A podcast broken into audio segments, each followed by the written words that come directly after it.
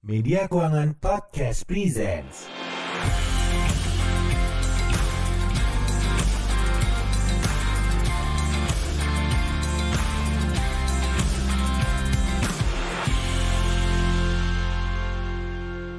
Hello fans, pola demand dan supply di seluruh dunia berubah akibat COVID-19 yang secara alamiah membentuk kebiasaan baru dalam perekonomian. Menyikapi kondisi ini, pemerintah telah menyusun beragam program yang menyasar pemulihan ekonomi baik di sisi demand maupun supply tersebut. Pemerintah pun telah merevisi APBN 2020 untuk mendukung program pemulihan ekonomi nasional atau PEN. Dalam revisi baru tersebut, pemerintah memperluas defisit anggaran menjadi 6,34 persen dari PDB. Simak petikan wawancara media keuangan dengan Kepala Badan Kebijakan Fiskal, Febrio Kacaribu, mengenai upaya pemulihan ekonomi nasional. Berbicara tentang PEN, mungkin Bapak bisa uh, memberikan penjelasan bagaimana uh, efektivitas PEN sampai dengan saat ini, Pak apakah uh, berdampak positif terhadap perbaikan ekonomi? Dampak positifnya iya, uh, cuma pasti kita akan selalu langsung me mengevaluasi uh, performansnya sejauh ini ya.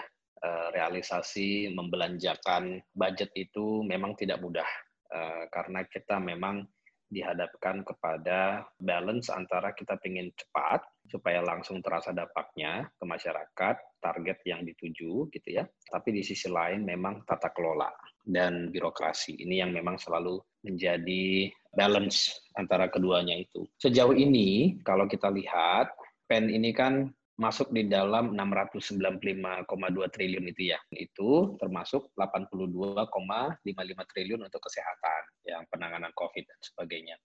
Jadi sisanya itu bisa kita sebut sebagai PEN. Nah, PEN ini yang paling pertama dulu logikanya adalah bagaimana kita sokong sisi rumah tangganya. Sisi rumah tangganya itu pun kita lihat yang paling rentan dulu.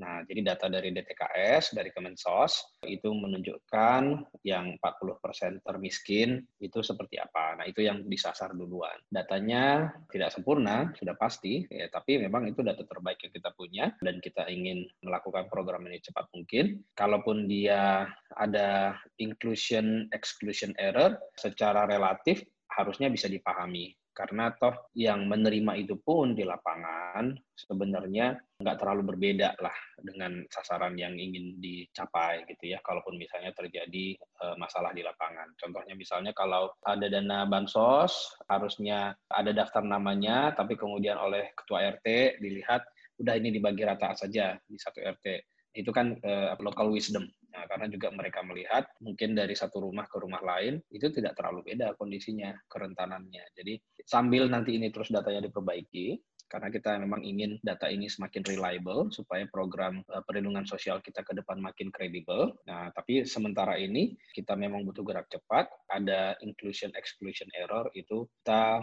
tolerir uh, sepanjang ini programnya memang arahnya ke masyarakat yang membutuhkan ya. Nah, jadi logika pertama tadi dari program PEN ini adalah uh, sisi rumah tangganya. Bagaimana rumah tangga masyarakat yang paling rentan ini ditolong dulu. Nah, itulah 203 triliun itu untuk perlindungan sosial, uh, mulai dari PKH-nya yang diperpanjang, diperbesar, lalu juga ada bansos, bansosnya juga ada bansos Jabodetabek, non Jabodetabek, ada lagi apa subsidi listrik dan sebagainya. Itu totalnya uh, sekitar 203. Kalau kita lihat perkembangannya sejauh ini, ini yang relatif paling efektif, paling jalan, tercapai tujuannya kurang lebih. Karena kalau kita lihat di 203 itu sebenarnya ada sekitar 20-an triliun itu yang bagian pencadangan yang belum ada program spesifiknya. Jadi kalau gitu kita keluarkan, saat ini performance-nya itu di atas 40% dari yang budget. Jadi memang kalau untuk bansos atau transfer langsung gitu ya, cash transfer langsung ke masyarakat,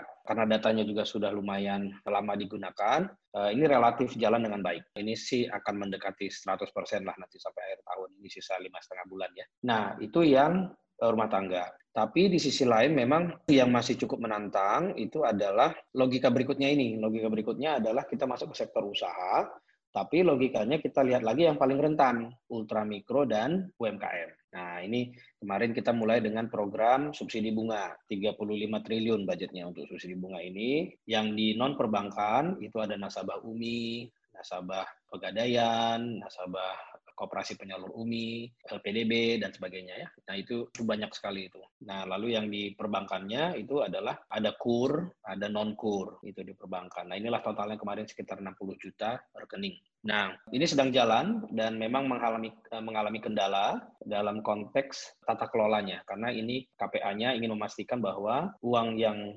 dialokasikan itu benar-benar sampai ke penerima yang eligible. Nah, jadi ada nama dan alamatnya sesuai dengan memang layak atau tidak layak, berhak atau tidak berhak gitu ya, sesuai dengan peraturan dengan PMK yang sudah dibuat. Ini memang cukup menantang. Kita lihat proses update-nya, datanya dan sebagainya ini karena melibatkan juga uh, puluhan bank dan juga lembaga keuangan ya dan tidak semua sama ternyata tingkat kapasitasnya untuk teknologi pengolahan datanya. Ini perlu matching yang agak menantang juga ternyata. Nah, harapannya ini mudah-mudahan ini minggu ini sudah mulai kelihatan arahnya ke arah teknisnya jadi lebih menyatu. Mudah-mudahan minggu-minggu ke depan kita akan melihat banyak realisasinya itu. Tapi salah satu yang juga sedang didorong dan cukup efektif ini adalah bentuk penjaminan kredit modal kerja dan dipasangkan dengan penempatan dana murah di perbankan. Nah ini kemarin sudah jalan, eh, pemerintah menempatkan 30 triliun di empat bank himbara, lalu dengan perjanjian waktu itu bank himbaranya janji bahwa mereka akan eh, kalikan tiga, jadi 90 triliun kredit modal kerja baru. Pemerintah menempatkan dana itu sangat murah, 3,4 persen kurang lebih, alias kurang lebih itu adalah 80 persen eh,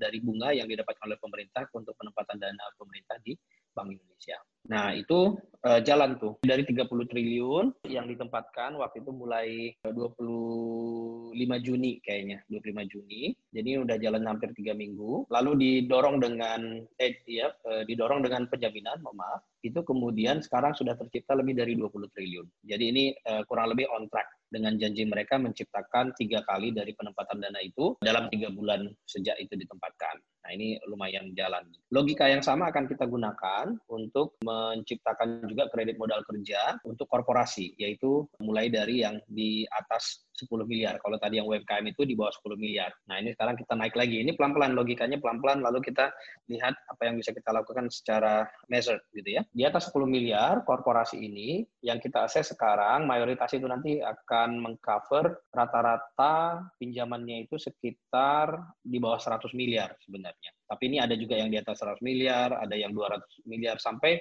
mentoknya itu di bawah 1 triliun. Tapi mayoritas nanti di sekitar di bawah 100 miliar sebenarnya. Nah, ini juga e, bentuknya akan sama, akan ada penempatan dana, lalu akan dipasangkan juga dengan program penjaminan. Nah, jadi kalau yang tadi UMKM itu penjaminannya 80 persen 20 persen, jadi penjaminnya akan menjamin 80 persen, artinya risiko perbankan di take over oleh penjamin sebesar 80 persen. Ini untuk yang korporasi akan lebih kecil penjaminannya, jadi ini akan 60-40.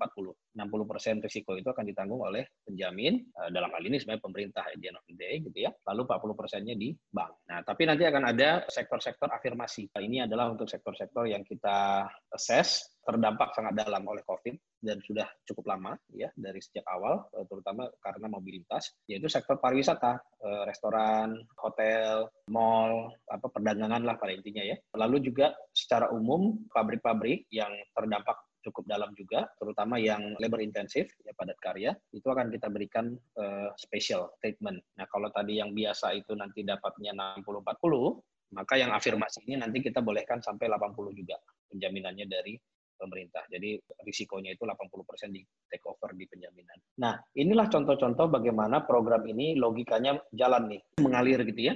Kita lihat bagaimana pelan-pelan kita mulai dorong aktivitas perekonomian. Untuk yang korporasi, ada lagi tuh korporasi sekitar 50-an triliun, itu mayoritas bentuknya adalah PMN, dan atau pinjaman ke BUMN. Nah, itu sedang disiapkan. Harusnya sih itu mayoritas akan ter terrealisir karena itu kan sangat uh, well measured ya dan itu case by case Krakatau Steel akan beda treatmentnya Garuda akan beda treatmentnya KAI akan beda treatmentnya tergantung kondisi masing-masing seperti apa penanganan yang prudent uh, yang pantas untuk dilakukan Eh, sesuai dengan keadaan mereka di 2020 ini. Uh, sementara yang belum jalan uh, terlalu banyak itu adalah insentif perpajakan itu 120 triliun kalau nggak salah itu. Itu ada bentuknya uh, PPh 21 DTP.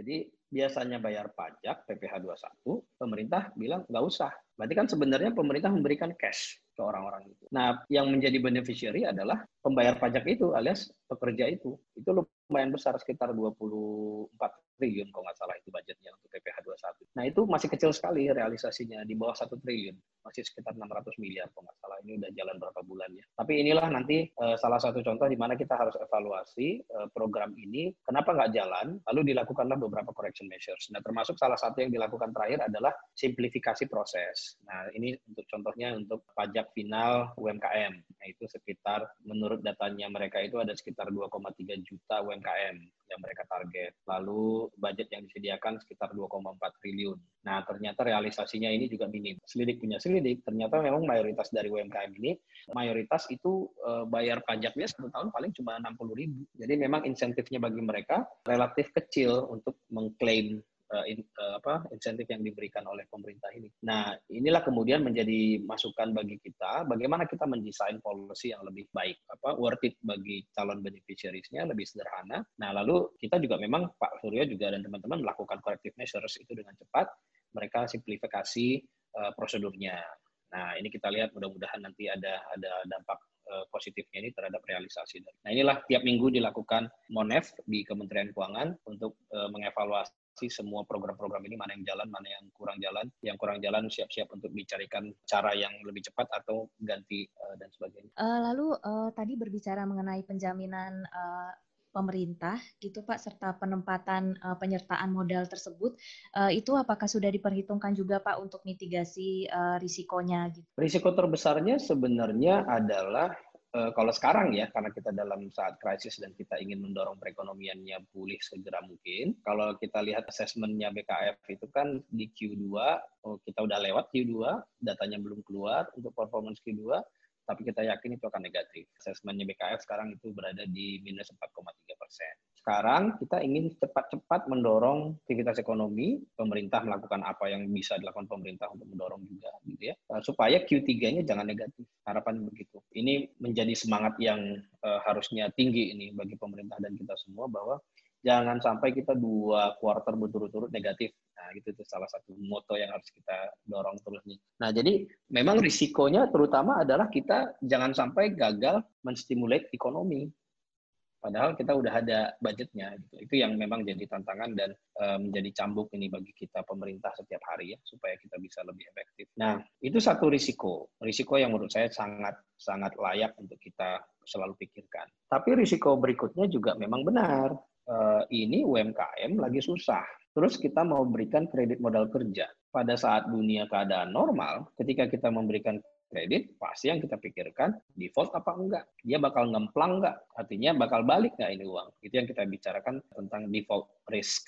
Pada saat masa normal, misalnya ini sekedar ilustrasi ya, IJP-nya itu 1,75 eh, persen dari nilai kreditnya. Itu mencerminkan NPL yang rendah. NPL-nya mungkin di sekitar di bawah 5 persen. Tapi sekarang, terutama waktu ini didesain, eh, ini sekitar bulan Mei ya, lagi dalam-dalamnya uh, aktivitas ekonomi yang stop. IJP-nya kita hitung waktu itu bersama-sama dengan teman-teman Askrindo, Jamkrindo, uh, dan banyak stakeholders ya di Kementerian Keuangan, itu timnya juga bersama-sama ngitung. Itu keluar angkanya 7,6 persen, 7,65 lebih tepat. Itu mahal sekali, itu sangat-sangat tidak normal. Asumsinya waktu itu adalah NPL-nya akan sampai 20 persen. Nah, ini kan nggak normal sama sekali ya ketika kita mengasumsikan NPL sampai 20 persen. Ini berarti memang kita berada di situasi perekonomian yang tidak normal sama sekali. Kita tahu bahwa itu NPL-nya akan tinggi probabilitasnya. Tapi di satu sisi pemerintah punya risiko lebih besar, yaitu perekonomian bisa resesi. Nah ini balance-nya ini nih. Kita tidak mau resesi, kita tidak mau eh, pengangguran tambah berapa juta, orang miskin tambah berapa juta, di satu sisi kita mau dorong sektor usahanya, tapi ada NPL-nya yang tinggi. Nah, di sinilah kebijakan itu. Akhirnya kita harus temukan keseimbangannya. Pemerintah harus masuk, siap dengan risiko bahwa ini NPL-nya akan tinggi. Is it worth the risk? Ya kita bicara livelihood dari berapa juta orang, ya kan? Pengangguran yang akan nambah, kemiskinan bertambah. Wah, susah deh. Kita nggak kebayang uh, kalau kita misalnya orang yang ada di Vicon ini kan uh, tinggal di rumah, uh, you have the privilege untuk bisa work from home. Tukang sate nggak bisa work from home, tukang bubur ayam nggak bisa work from home. Mereka harus keliling. Jadi memang kalau nggak ada aktivitas ekonomi di luar, ya mereka stop. Warteg banyak tutup, pulang ke Tegal semua. Itu benar loh, asosiasi warteg itu pada pulang tuh. Ini baru Juni katanya kabarnya mereka balik lagi ke Jakarta. Jadi itu udah uh, early warning juga itu bahwa warteg teman-teman pengusaha warteg dari Tegal balik ke Jakarta.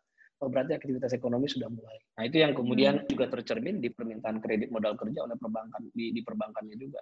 Nah, inilah pemerintah ingin menyambut mulai pulihnya aktivitas ekonomi dan pemerintah siap memberikan support supaya momentum pemulihan ini jangan terlalu kecil kita mau dorong momentumnya semakin besar. Given risikonya juga masih ada. Itu tadi yang saya bilang risiko NPL itu jelas ada. Nah, pemerintah memang akhirnya mau nggak mau harus masuk ngambil risiko itu. Untungnya kan kita sudah ada Perpu 1 2020 yang kemudian jadi Undang-Undang 2 2022.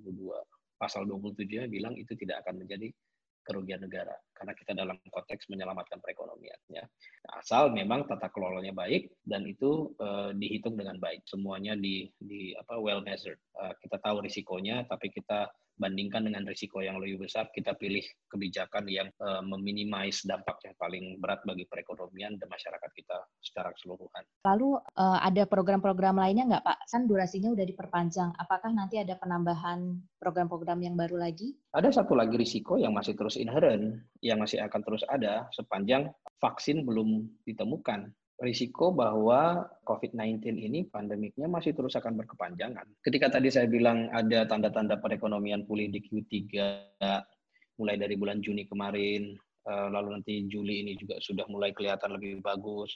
Mudah-mudahan aktivitas ekonomi kita di Q3 ini menghasilkan uh, pertumbuhan yang positif year on year. Tapi itu nggak akan, saya bayangkan kita nggak akan langsung bisa kembali ke 4%, 5% pertumbuhannya. Kenapa? Karena COVID-19 masih berada di sekitar kita. Belum ada vaksinnya bahkan. Jadi ini risiko yang akan terus-menerus ada sampai kita benar-benar dapat vaksin. Ini yang membuat kita berpikir bahwa program-program ini memang harus lebih panjang. Bahkan tadinya eh, diskon listrik pun cuma berapa bulan, sekarang dipanjangin lagi berapa bulan. PKH-nya juga diperpanjang, bansosnya juga diperpanjang. Eh, karena memang dampaknya ini lebih lama eh, daripada yang we initially thought. Nah, demikian juga dengan program-program yang lain. Dengan demikian, karena pemulihan perekonomian ini akan terjadi perlahan-lahan, program pemulihan ekonomi nasional PEN itu tadi juga nggak bisa tiba-tiba hilang. Katakanlah ini budgetnya sudah ada di 2020. Nanti selesai 2020 pun dari sekarang kita harus pikirkan ini bagaimana kelanjutannya ke 2021. Nah di sini memang kita perlu punya uh, assessment kira-kira setiap bulan, setiap kuartal itu akan seperti apa, lalu nanti masuk ke 2021 kira-kira ini sudah sekuat apa aktivitas ekonomi. Kalau untuk di Q3 ini kita masih akan cukup kenceng keengganan dari masyarakat untuk mulai beraktivitas secara normal. Baik pemerintah maupun masyarakat sebenarnya punya asesmen yang sama, yang mirip. Bioskop dibuka misalnya. Nggak akan ada orang yang mau datang ke bioskop. Kalaupun ada, paling cuma sepertiga kali penuhnya. Di satu sisi, bioskopnya juga harus hati-hati. Harusnya justru bioskopnya mengatakan, oh kita cuma mau kapasitas maksimum 50 persen. Restoran juga begitu. Ketika dia buka, nggak mungkin langsung boleh penuh. Oh langsung outbreak nanti, ya kan? Sekolah juga sama aja. Pesantren juga sama aja. Jadi aktivitas kita memang nggak bisa akan balik 100% sebelum vaksinnya benar-benar ada dan itu pun vaksinnya harus benar-benar efektif ya. Nah ini yang membuat kita melihat perekonomian ini nggak akan cepat pulihnya kalaupun sudah nggak seperti dulu kita asumsikan bahwa oh ini tiga bulan berat langsung balik lagi gitu ya. Ini adalah saat hibernasi tiga bulan lalu pulih enggak. Dan kita lihat di seluruh dunia juga demikian. Nah inilah uh, bagian dari kita juga harus humble pemerintah juga humble kita kita melakukan assessment bulan demi bulan bahwa ini memang tidak se straightforward uh, yang kita bayangkan sebelumnya. Ini ya uh, belum ada modelnya ya. Uh, terakhir ini terjadi kan 100 tahun yang lalu. Iya. Nah, itulah uh, risiko yang harus terus uh, kita assess sampai uh, kita bisa pulih benar-benar setelah COVID-19-nya tertangani. Entah ada obatnya atau vaksinnya efektif. Uh, yang penting masalah kesehatan ini harus selalu menjadi nomor satu. Nah, 2021 nanti adalah uh, kelanjutan ini. Sebenarnya kan nggak ada bilang, oh 2020 tutup, sekarang kita lanjut dulu. Nggak akan begitu. Ini kan benar-benar lanjut aja nih. Nggak ada, nggak ada putusnya kan. Jan, uh, uh, Agustus, September, Oktober, Desember.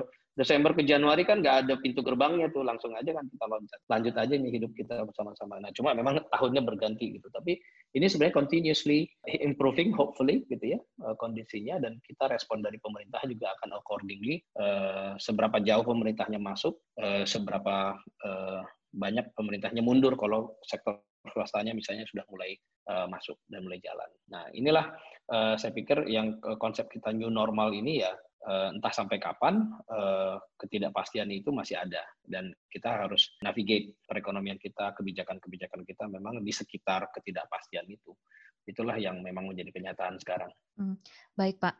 Nah e, kalau dalam mengambil kebijakan fiskal di kondisi yang tidak pasti seperti ini, prinsipnya apa sih Pak? Dalam konteks ketidakpastian ini, inilah yang menjadi tantangan bagi policy makers ya. Dan tim Kementerian Keuangan di bawah pimpinan Ibu Menteri, Pak Wamen, dan jajaran eselon 1 ini kalian juga mungkin juga melihat ya menyaksikan sendiri bagaimana kita kerja siang dan malam untuk menelurkan kebijakan-kebijakan dan mengimplementasikan kebijakan-kebijakan itu juga. Nah, tantangannya memang luar biasa. Prinsipnya apa? Kalau lagi krisis prinsipnya adalah whatever it takes. Itu itu udah pasti menjadi prinsip pertama. Whatever it takes, tapi dalam konteks kita mau melindungi masyarakat sebanyak-banyaknya itu tadi yang paling uh, utmost uh, prinsipalnya itu menurut saya itu. Uh, kita berusaha supaya pengangguran tambahnya tidak terlalu banyak. Kita tahu udah pasti akan terjadi ketika kenaikan pengangguran. Kemiskinan kemarin datanya sudah keluar naik. Kita berusaha supaya kemiskinan tidak bertambah banyak. Itu kan angka saja sebenarnya tapi yang kenyataannya di lapangan itu adalah orang yang hidupnya susah. Saudara-saudara kita yang hidupnya susah. Udah susah makin susah gitu loh. Nah itulah yang menjadi prinsip utama kalau menurut saya bagaimana ini eh, benar-benar bisa berdampak pada masyarakat. Prinsip berikutnya ya eh, ada di itu di di PP itu eh, prinsip-prinsip PEN ya. Mungkin secara legal sebenarnya tercermin dari apa yang saya bilang barusan tentang whatever it takes karena dalam PP itu kalau Anda lihat itu ada prinsip-prinsip tepat sasaran, akseleratif, itu kita sempat itu maksudnya supaya gerak cepat gitu ya. Tapi memang di sisi lain juga harus menghindari moral hazard, itu jelas juga karena kita nggak mau ada free rider yang sebenarnya tidak berhak untuk mendapatkan uh, insentif malah jadi dapat insentif. Itu salah sasaran itu kita minimalisir gitulah ceritanya ya. lalu nah prinsip yang uh, sering juga kita uh, gaungkan ini adalah prinsip gotong royongnya. Bahwa semua komponen bangsa ini bagian dari krisis ini sehingga kita semua itu adalah uh, bagian dari problem uh, solvernya dan juga bagian dari bersama-sama menanggung bebannya. Nah, ini harus menjadi prinsip eh, di mana pun dalam mengambil kebijakan. Contohnya begini, kalau kita sedang menolong uh, UMKM, uh, di situ kan terlibat tuh peminjamnya ya UMKM-nya. Lalu sebenarnya juga terlibat perbankannya yang memberikan pinjaman. Lalu ya pemerintah yang ingin stimulate di ekonomi, gitu ya. Nah, jadi be bebannya itu jangan hanya pemerintah dan UMKM-nya, tapi banknya juga harus ngambil bagian. Lalu kemarin juga ada uh, gotong royong untuk bunga SBN itu antara uh, pemerintah dengan Bank Indonesia. Nah, itu juga salah satu cerminan dari gotong royong, prinsip burden sharing kalau bahasa Inggrisnya di situ. Nah, itulah prinsip-prinsip saya, saya pikir itu banyak lagi di di PP eh, itu ya tapi kurang lebih itu yang menurut saya paling penting. Uh, pemerintah kan kemarin juga membentuk gugus tugas untuk PEN menurut Bapak seperti apa dengan saya pikir itu sangat bagus ya karena kan itu uh, harapannya akan membuat semua KL di bawah pemerintahan Bapak Jokowi gitu ya memang harus berperan serta dan memang perlu ada semacam konduktornya yang menggerakkan, yang mengkoordinir lah supaya semua KL, semua yang harusnya bergerak ya bergerak. Lalu di satu sisi juga memang harus ada eh, pertimbangan yang serius, yang seimbang, balance antara risiko kesehatan dengan risiko resesi ekonomi. Nah ini memang perlu melihatnya menjadi satu big picture. Nah itu eh, saya bayangkan itulah yang menjadi tugas koordinator ini. Untuk bisa membuat ini lebih terintegrasi. Karena kalau sekarang ini kan yang namanya program pemulihan ekonomi nasional itu kan kesannya hanya kerjaan Kementerian Keuangan, padahal kan enggak. Eh, banyak sekali kementerian yang terlibat sebenarnya di sana. Jadi inilah yang harusnya memang perlu di eh, apa namanya orkestrasi. Eh, jadi memang perlu ada koordinator yang melihat semuanya secara big picture ya.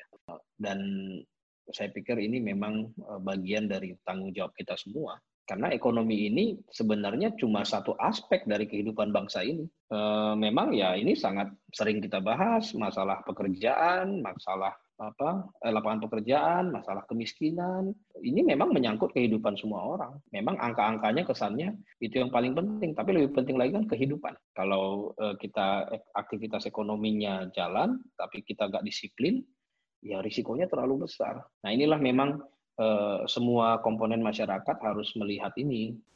Tapi kita tetap harus optimis ya Pak. Ya, ya kita kita bisa, kita bisa. Ini di antara negara yang kita lihat ini. Ini bukannya kita mau bangga-banggaan ya di tengah-tengah kesusahan semua orang ya. Tapi ya memang secara relatif uh, kita nggak jelek-jelek banget lah dalam handling dan juga dalam konteks yang ini salah satu juga yang agak berbeda dengan emerging economies lainnya ya Uh, Bloomberg itu mengeluarkan ranking ada sekitar 75 negara uh, emerging economies uh, yang dia ranking. Indonesia itu masuk sekitar peringkat 20-an lah. Salah satu faktornya itu adalah karena disiplin fiskal kita selama bertahun-tahun yang selalu defisitnya berhasil di bawah 3%, kadang-kadang malah di bawah 2%. Itu menjadi modal besar rasio utang kita kan 30% tadinya 2019. Jadi kita punya ruang, itu istilahnya kalau di peringkat Bloomberg itu, ini adalah negara-negara yang punya ruang untuk bergerak secara fiskal. Jadi kita taruh defisitnya tiga tahun berturut-turut cukup lebar karena kita sudah melakukan disiplin fiskal yang cukup ketat selama bertahun-tahun sehingga rasio utang kita rendah gitu ya. Itu membuat kita punya ruang untuk melakukan pelebaran defisit itu sampai tiga tahun. Negara lain nggak banyak yang punya privilege itu. Bahkan tahun ini banyak yang uh, defisitnya double digit. Kita 6,34. Tahun depan kita akan turun ke sekitar 4,7. Tahun depannya lagi akan turun ke sekitar 3, sekian. Tahun 2023 kita tetap committed untuk balik ke disiplin fiskal sebelumnya di bawah 3 persen. Nggak banyak negara yang bisa boast, walaupun ini mungkin bukan saat yang tepat untuk boast ya. Ya ini memang, tapi itulah bagaimana uh, kebijakan makro yang hati-hati, yang prudent, uh, it pays off, uh, terutama dalam kondisi krisis seperti ini. Dan uh, kita perlu pertahankan disiplin itu di bawah Menteri Bu Bu Sri Mulyani. Kita menikmati luxury itu ya, di mana disiplin fiskalnya ya salah satu yang terbaik. Oke fans, itu tadi diskusi kami dengan beberapa narasumber. Semoga bermanfaat dan jangan lupa cari tahu lebih banyak di majalah media keuangan yang bisa kamu baca di www.kemenq.go.id atau kamu bisa klik di bit.ly slash.